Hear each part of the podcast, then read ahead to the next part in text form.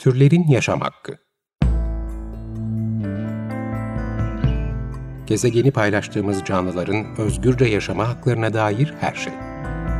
Hazırlayan ve sunanlar Işıl Karaelmaz ve Melike Dirikoç.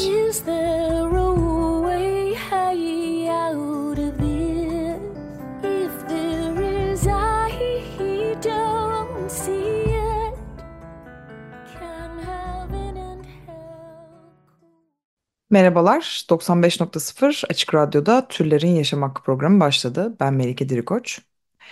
Ee, Bugün dün yani 12 Aralık e, 2023'te sonlanan COP28 zirvesini e, konuşacağız. Genel hatlarıyla ne kararlar alındı, neler eksikti, e, gıda dönüşümü konusunda e, nasıl gelişmeler oldu ya da oldu mu e, gibi e, başlıklar üzerine ilerleyeceğiz. E, Konuğum e, aktivist Funda Uğraş e, bana eşlik edecek. Kendisi de her sene e, COP zirvelerini yakından e, takip ediyor. Funda tekrar hoş geldin. Merhaba, hoş buldum. Teşekkür ederim davetin için. Rica ederim her zaman. Şimdi bu sene, seneki COP zirvesi e, tarihin en yüksek katılımıyla gerçekleşmiş bu arada ve Dubai'de gerçekleşti bilmeyenler için. E, tabii bu birazcık böyle tartışma e, yaratmıştı ilk e, başlarken çünkü Dubai ve e, Birleşik Arap Emirlikleri hepimizin bildiği gibi fosil yakıt üretiminin en fazla gerçekleştiği ülkelerden biri. E, hatta COP'a başkanlık eden Sultan Al Jaber'ın da Birleşik Arap Emirlikleri'nde bir fosil yakıt e, şirketinin yöneticisi olduğu biliniyor. Kendisiyle de yapılan bir online e, konferansta söyledikleri de oldukça tartışma konusu olmuştu. E, bu konferansta fosil yakıtları bırakmak için bilimsel bir dayanak olmadığını dile getiriyordu. E, bu tartışmalar ışığında başladı aslında COP ve hepimizin bildiği gibi aslında iklim hareketinde yıllardır süren bir kampanya var. O da fosil yakıtların bırakılması üzerine. Çünkü zaten ver- verdikleri e, zarar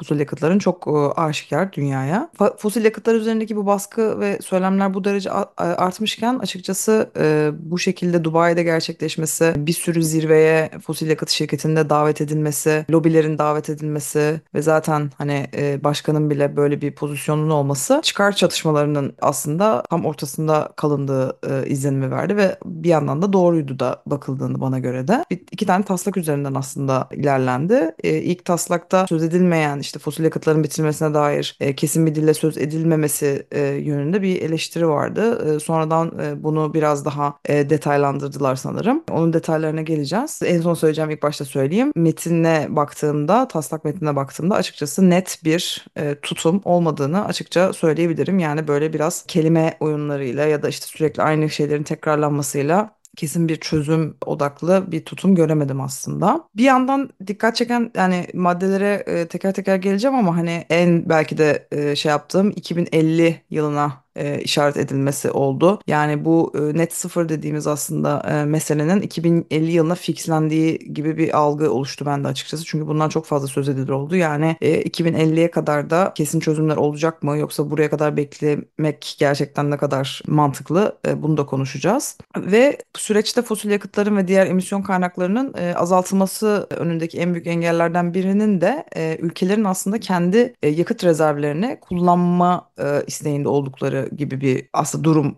olduğu görülüyor. Yani bu da biraz çıkmaza sürüklemesi çok e, yani olası bir durum. Çünkü e, işte ülkeler diyor ki özellikle işte e, gelişmekte olan ülkeler biz hani yıllar boyunca kaynaklarımızı işte birinci dünya ülkeleri tarafından e, kullanıldı ve bizler kendi kaynaklarımızı kullanamadık, gelişemedik. Oysa hani bu kaynakları kullanarak birinci dünya ülkeleri e, geliştiler ve aslında hani bu sömürü sürecinden bahsediyorlar ve hani şimdi artık biz de kendi kaynaklarımızı kullanmak istiyoruz gibi bir maalesef çıkmaz böyle bir politik mesele de masada diyebiliriz. Ya da ülkelerin işte sektörel bazda şirketlerin çıkarlarını korumak zorunda olduklarından mevcut düzendeki sistemin değişimi için acele etmemekte de ısrar edildiği görülüyor yani genel çerçevede. Hatta gıda konusunda bunu konuşacağız. İşte biz de çiftçimizi korumamız lazım. İşte onların e, zarar görmemesine işte çalışmamız lazım ya da biz bunu vatandaşımıza nasıl anlatacağız gibi böyle biraz da hani e, politik sebeplerin de işin içinde olduğu çok aşikar. E, tabii bu bizi ve dünyayı oldukça zor bir duruma sürüklüyor. Çünkü hani acil olarak alınması gereken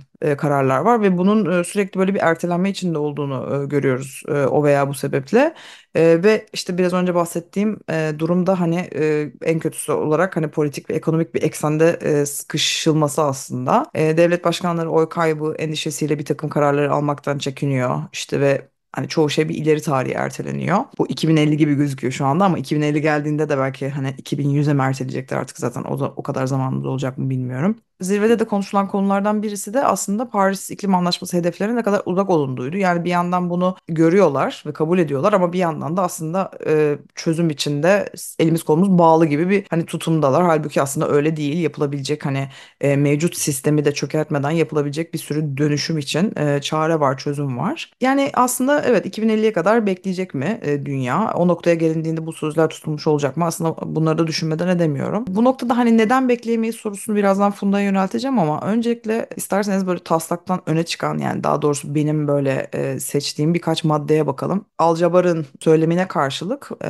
taslakta IPCC raporlarının da belirttiği üzere aslında bunun insan faaliyeti nedeniyle olmuş olduğu ve hani emisyonların insan faaliyeti nedeniyle e, bu kadar yükseldiği ve iklim krizinin de insan faaliyetleri sebebiyle oluştuğunun altı çiziliyor. E zaten bu olmasa herhalde konferansın hiçbir anlamı kalmazdı ve hani birçok partide buradan e, ayrılırdı ki ayrılanlar olmuş aslında birçok anlaşmazlık sebebiyle ama hani yine de bunu taslakta belirtmişler. Yani bunun bir şekilde kabul görmesi ve hani bu şekilde taslaklarda bile olsa yer alması önemli. Çünkü maalesef hala işte politik sağ başta olmak üzere iklim krizi reddi ve e, uygulamaların kaldırılmasına dayanan da bir politik söylem e, geliştirildiğini biliyoruz. Bu sebeple de e, artık hani kesin olarak var olduğunu vurgulamak önemli. Amerika Birleşik Devletleri'nde de Trump hani bu şekilde bir politik söylem oluşturmuştu. E, işte bütün iklim krizine yönelik uygulamaların kaldırılacağını, insanların daha özgür olacağını işte bu bunların bir şekilde senaryo olduğunu ya da işte e, bir şekilde planlanmış şeyler olduğunu söyleyerek aslında böyle dezenformasyon yaratıldığını da biliyoruz. Bu yüzden bu söylemin e, aksinin tekrarlanması önemli. E, bununla beraber metinde yerli halklardan, kadınlardan, çocuklardan ve sivil toplum bileşenlerinin katkısından, katkısının öneminden e, söz edilmiş. Bir başka maddede Paris İklim Anlaşması hedeflerinin tutturulmamış olduğundan biraz önce söylediğim gibi bahsediliyor. 2023'ün en sıcak yıl olarak rekor kırılmasının e, endişe verici olarak nitelendirildiğini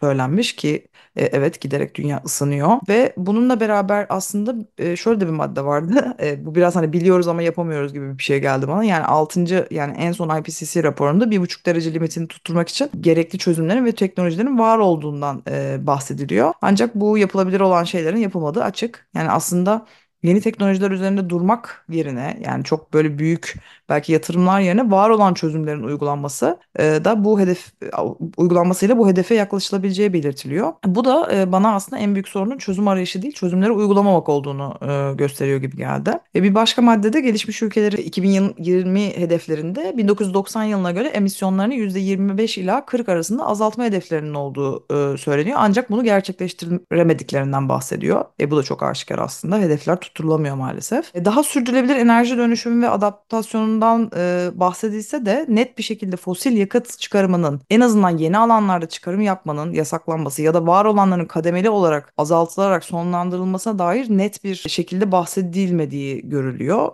E, bu da başta aslında ada küçük ada ülkeleri olmak üzere pek çok ülkenin ve çevre kuruluşunun tepkisini çekti. Hatta şöyle söylediler bu partiler yani bu bu bir ölüm fermanıdır ve biz hani bu şekilde net bir azaltım e, ya da fosil yakıtların sonlandırılması ibaresi olmadan e, bu metni imzalamak istemiyoruz dediler. Ormansızlaşmaya yönelik madde vardı. E, ormansızlaşmayı geri döndürmek için 2030 yılının hedef olarak e, belirlendiği söyleniyordu. E tabii başta hayvancılık olmak üzere tarımın hani bu denli agresif bir şekilde yapıldığı bir zamanda bunu hani nasıl hangi somut adımı atarak yapacakları ise bir muamma. Bir de şöyle bir madde vardı. Bununla benzer şekilde işte toprak kullanımı, sürdürülebilir tarım, esnek gıda sistemleri bunun ne demek olduğunu anlayamadım. Doğa odaklı çözümler ve ekosistem temelli yaklaşımlarla doğa ve ekosistemlerin korunması ve muhafaza edilmesi. E bunun içine de işte ormanları, dağları, diğer kara alanlarıyla deniz ve kıyı ekosistemlerini soktuklarını söylemişler. Böyle yapılmasının da e, sonrasında ekonomik, sosyal ve çevresel faydaları olacağından bahsetmişler. Tabii burada yine ekonomi e, başa getirilmiş e, onun dışında yine tabii bu, bu e, yapılması dilenen, istenen şeylerin nasıl yapılacağına dair bir şey yoktu. E, ve hani bu e, kavramların da aslında ne demek olduğuna dair de bir açıklama getirilmemiş. Örneğin esnek gıda sistemleri ne demek ben hiç anlamadım açıkçası. Yani aslında bu e, forumun bir yandan da bir PR olduğu yönünde de çok büyük eleştiriler var. Yani dünyayı yok eden şirketlerin, endüstrilerin dobecilik faaliyeti e, yaptıkları ve badana yaptıkları. Bunun için de aslında çok ciddi e, paralar harcayarak hani bu konferansın gerçekleştirildiğine dair bir durum var. Tabii ki hani bunun avantajları neler olabilir? Hani gerçekten çözümler üzerinde durulsa belki faydası olabilir diye düşünebiliriz ama şu andaki durum yani pek iç açıcı yine gözükmüyor. Yine bundan da e, bir şey çıkmadı. Hani her sene zaten e, istenen şeyler çıkmıyor. E, benim gözüme çarpanlar bunlar oldu. Şimdi hani sana şunu sormak istiyorum. Bu 2050 e, lafı ya da işte öteleme lafları çokça dolaşıyor. Zaten bu konferansta da hani çokça belirtilen bir şey olmuş. Yani bilimsel veriler ışığında özellikle IPCC'yi e, onların da hani referans aldığını biliyoruz. Sence 2050'ye kadar ya da bilime göre 2050'ye kadar dünyanın zamanı var mı? Ya, öncelikle çok değerli toplu ve hani güzel bir özet yaptın. Teşekkür ediyorum. Ağzına sağlık. Çok Yani sağ ol. ben evet e, başından beri takip etmeye çalışıyorum e, COP zirvelerini. İşte en çok 2000 e, şey COP26'da e, çok yoğun bir şekilde çalışıp işte onunla ilgili yazı falan da yazmıştım Vegan Gazete'de. Aslında hani o takip ettiğim zamanlardan bugüne çok da bir şeyin değişmediğini, işte yazılan bu raporların e, ve işte bir an önce adım atılması gerektiği, acil bir e, takım önlemler alınması gerektiği hep söylenirken bilim insanları veya STK'lar tarafından aslında bu COP'lardan pek de e, elle tutulur bir sonuç olmadığını e, görüyorum her seferinde ne yazık ki. Şimdi IPCC'de evet çok e, iklim değişikliğini değerlendirme üzerinde devletlerin üzerinde uzlaştığı, pek çok devletin zaten katıldığı, bilim insanlarının e, bulunduğu bir rapor yayınlıyor.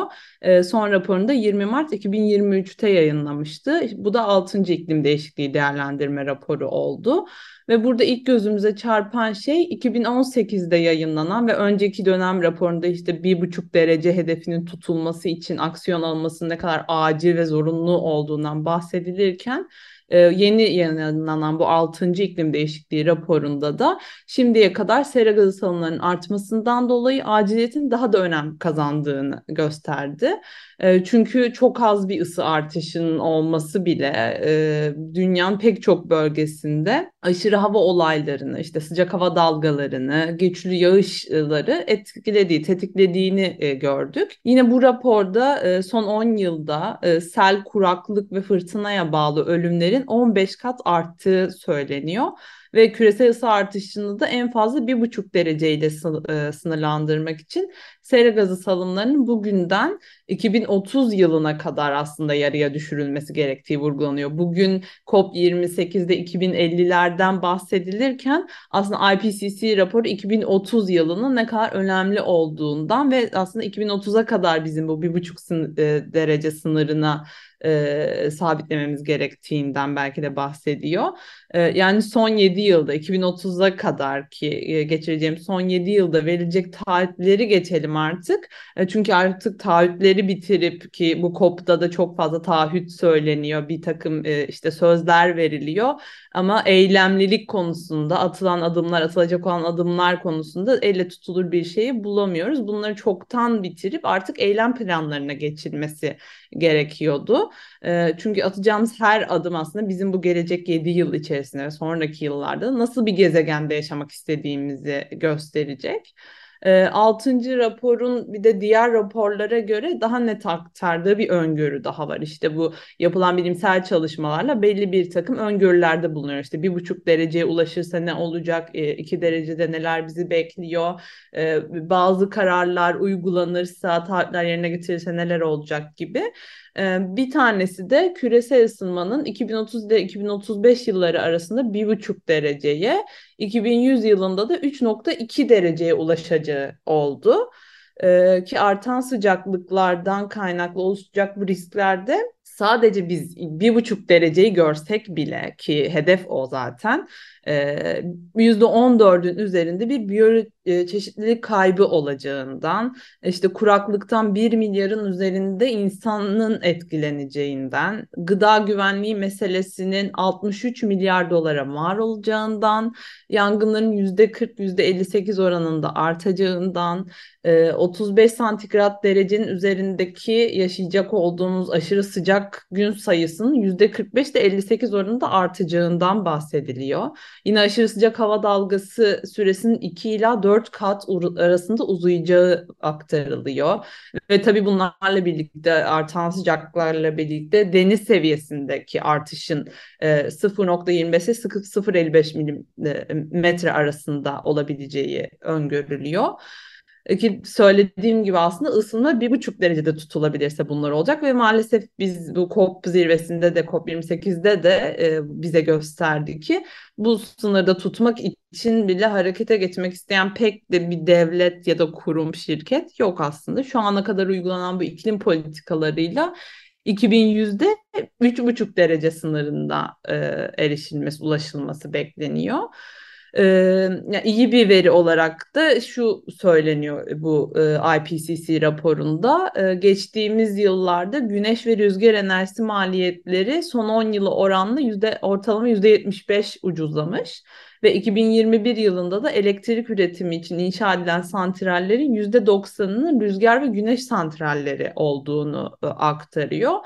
E, tabii sonuç olarak da bu son raporda bize gösteriyor ki e, değişim için atılan adımlar ne yazık ki yetersiz. E, olması gerektiği gibi hızlı hareket edilmiyor. E, bugün COP'ta da biz gördük. İşte e, ben bugün yayınlayacağım e, podcast yayınlandığında da e, yani e, yayınlanmış olur Instagram hesabımda kod bitti ve ne oldu ne olmadı? Onları aslında anlattım bir e, kaydırmalı gönderi olarak e, yaptığım araştırmada işte izlediğim e, yayınlarla birlikte.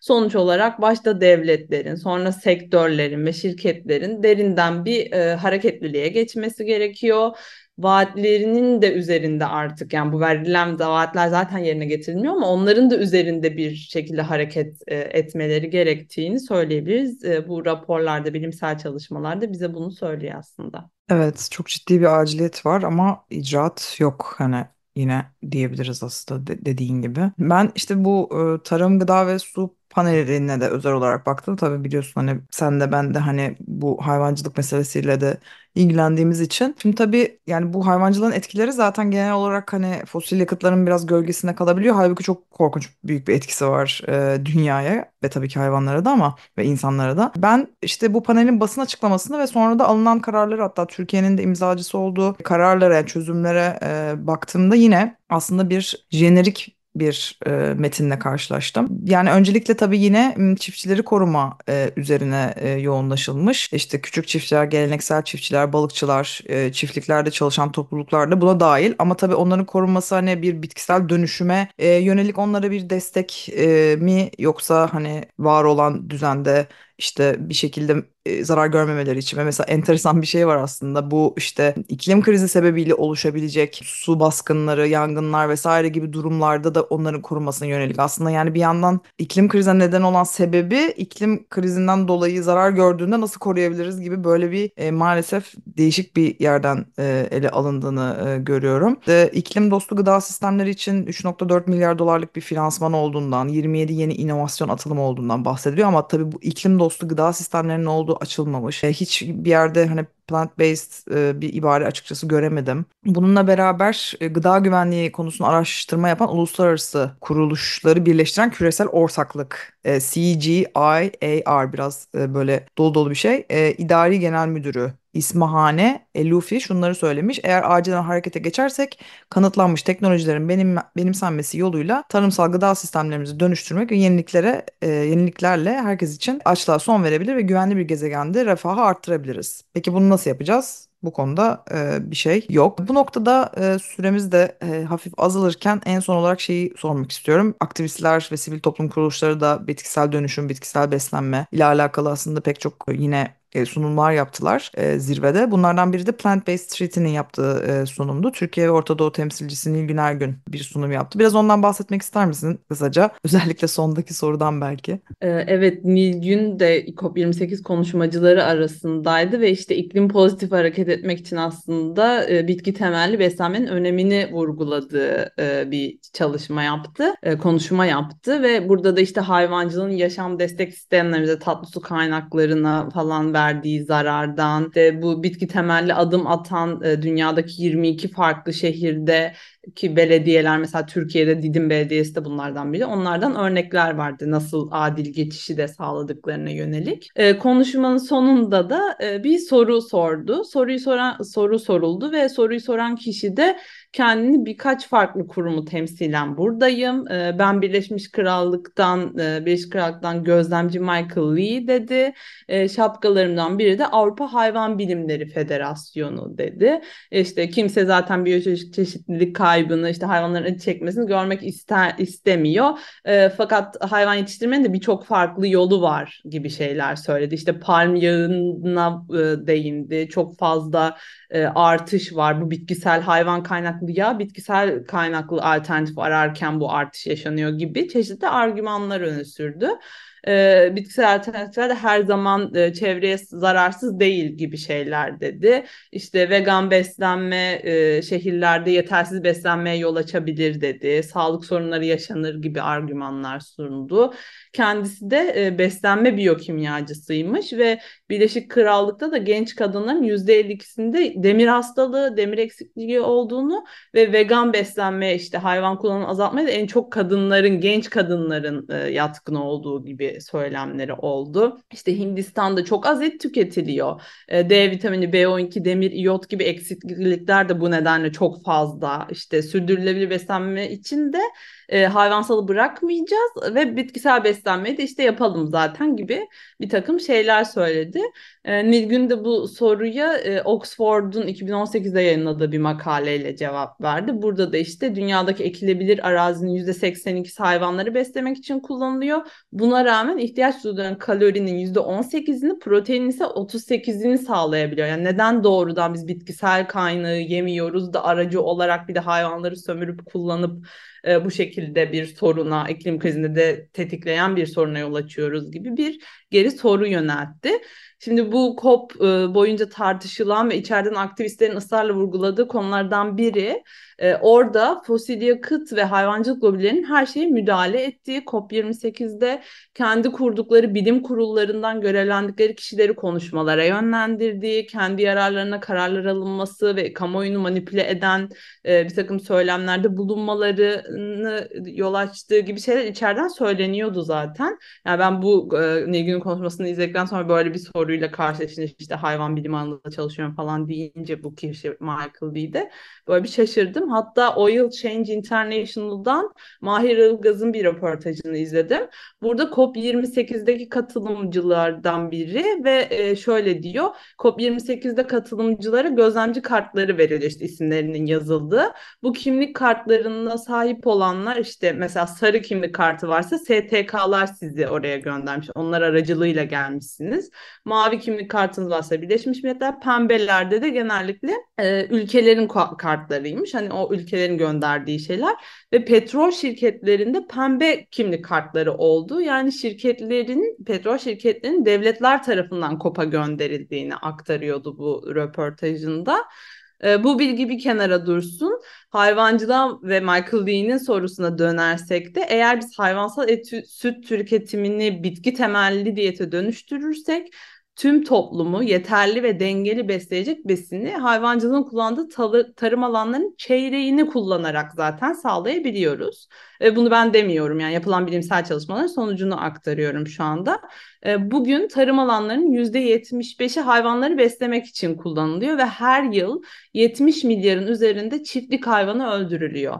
Ee, yani insanlar için yetiştirilen memeli hayvan nüfusuna bakacak olacak yüzde ol, olursak yüzde altmışlarda ve doğal yaşam ortamında e, hayatta kalmaya çalışan bir biyoçeşitlilik kaybından da bahsediyoruz ya iklim krizi derken. O memelilerin nüfusu ise yüzde üçlere kadar düştü.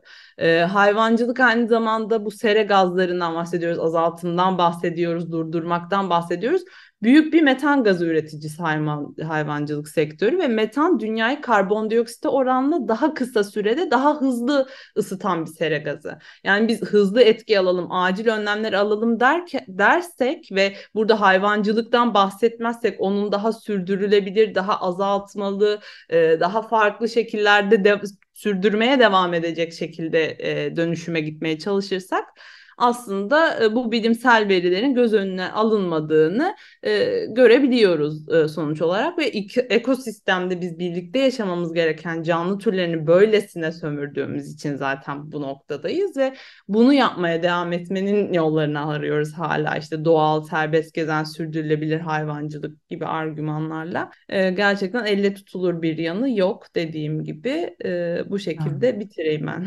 Ağzına sağlık. Evet. Yani çok belli aslında her şey ortada. Biraz manipülasyon, biraz işte lobicilik, biraz da hani belki badana diyebiliriz yani bunların biraz karışımı. Ne zaman gerçekten ciddi e, net sonuçlar çıkacak? Belki o zaman gerçekten zirvelerin bir işe yaradığından bahsedebiliriz ama yoksa devamlı öteleyerek, e, devamlı kelimeler etrafında dolanarak hiçbir yere varamayız diye düşünüyorum.